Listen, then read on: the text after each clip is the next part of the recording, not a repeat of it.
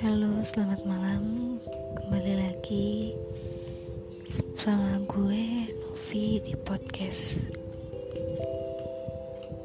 Gimana sih rasanya kalau ngeliat dia yang dulu pernah bareng-bareng sama kita, tapi sekarang udah jalan sama yang lain di depan mata kita.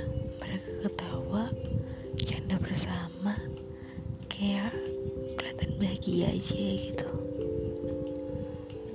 bahas yuk. Kita bahas bareng-bareng gimana rasanya?